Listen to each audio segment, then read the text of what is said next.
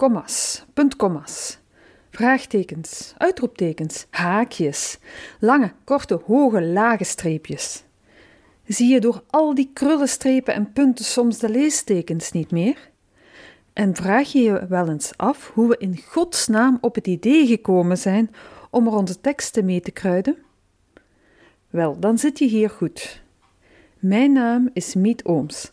Aangenaam.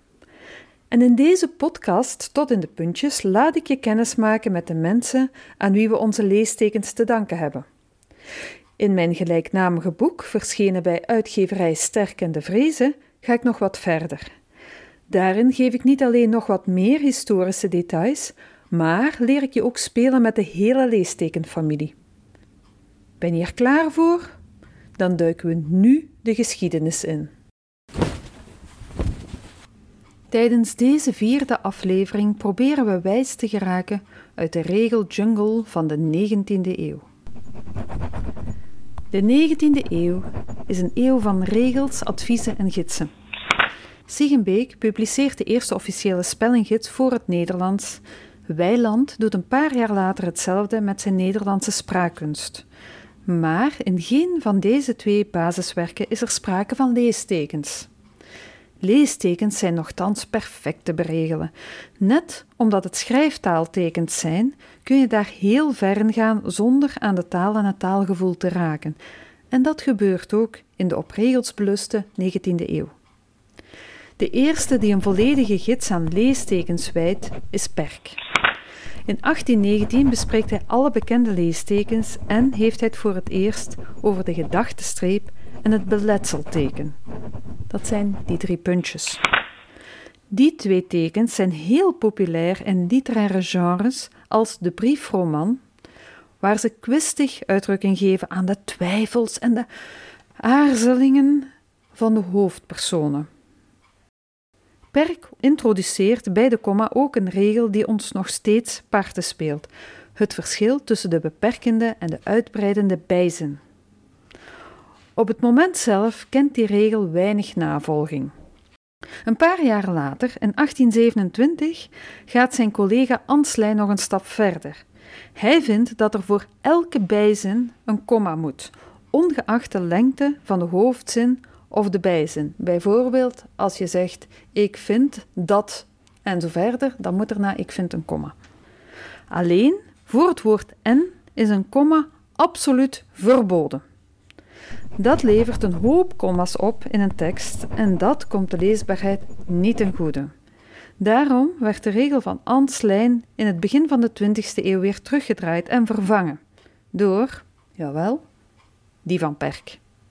En sindsdien zitten we opgescheept met het onderscheid tussen de beperkende en de uitbreidende bijzin. De regel dat er nooit, never, niet een komma mag staan voor en, is intussen achterhaald, maar sommige mensen weten dat nog niet. Sommige regels kunnen een bijzonder hardnekkig leven leiden. Behalve Perk en Anslijn wil ik ook nog even meneer Vrijlink noemen. In 1857 publiceert hij zijn gids over de interpunctie. Daarin stelt hij een aantal regels voor de apostrof voor. Hij is de eerste die op het idee komt om die ook te gebruiken bij een bezits-S.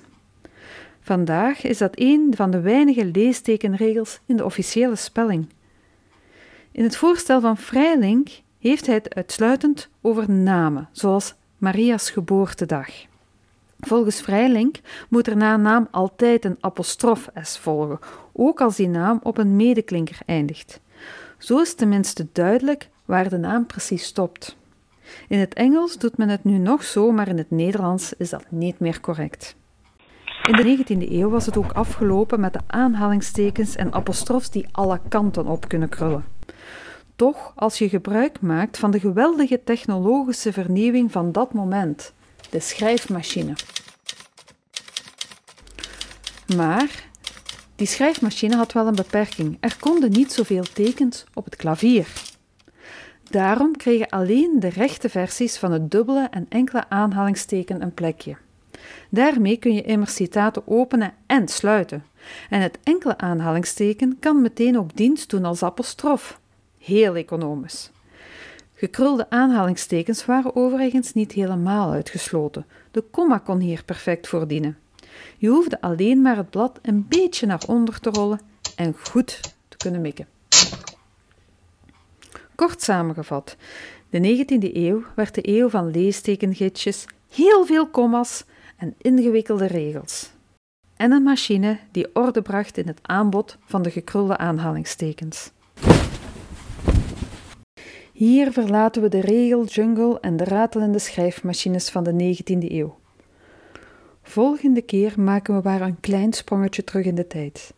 We kijken wat de computer en het internet voor onze leestekens hebben betekend.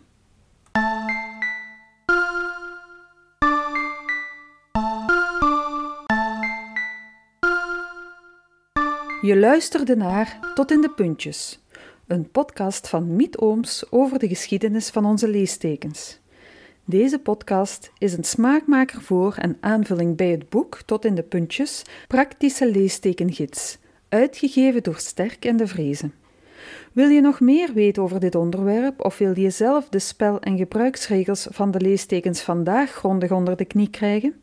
Dan is mijn boek Tot in de Puntjes Praktische Leestekengids precies wat je nodig hebt. Het is verkrijgbaar in elke boekhandel, fysiek en online. De podcast zelf vind je in je favoriete podcast-app en op de website taalverhalen.be. Bedankt voor het luisteren.